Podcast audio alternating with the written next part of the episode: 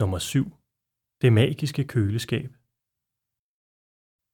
Bag den grå dør findes nedgangen til Carlsbergområdets 7 km lange net af underjordiske gange, forbundet til i alt 77 kælderrum. Nogle af gangene er helt smalle og indeholder kun rør til transport af øl, vand og luft. Andre er brede som gader. Kælderrummene i Carlsbergs underverden har deres helt egen historie og blev benyttet til både smugkroer, lagerrum og isrum. Det største isrum blev kaldt for kirken, da det med sine høje søjler og gotiske hvælvinger mindede om en helt lille katedral. Det meget høje rum blev fyldt med is fra søerne i København og naturis helt fra Norge. Den kolde luft fra kirken trængte rundt til gær- og lærkælderne og fungerede på den måde som et kæmpestort køleskab. Der var også det magiske køleskab.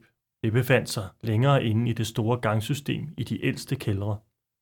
Her holdt den danske luftmeldetjeneste til i over 70 år fra slutningen af 1930'erne. Der var gratis øl i det magiske køleskab, som hver dag blev fyldt op af Carlsbergs ansatte. Mange af bryggeriarbejderne var desuden aktive i modstandsbevægelsen under 2. verdenskrig, og flere af kældrene blev under krigen brugt til opbevaring af våben og køretøjer. Ja, man holdt endda skydeøvelser hernede. Gangene under gamle Carlsberg er frede. Der arbejdes på at åbne dem op for offentligheden og på gode idéer til, hvad den forgrenede ølunderverden kan bruges til nu.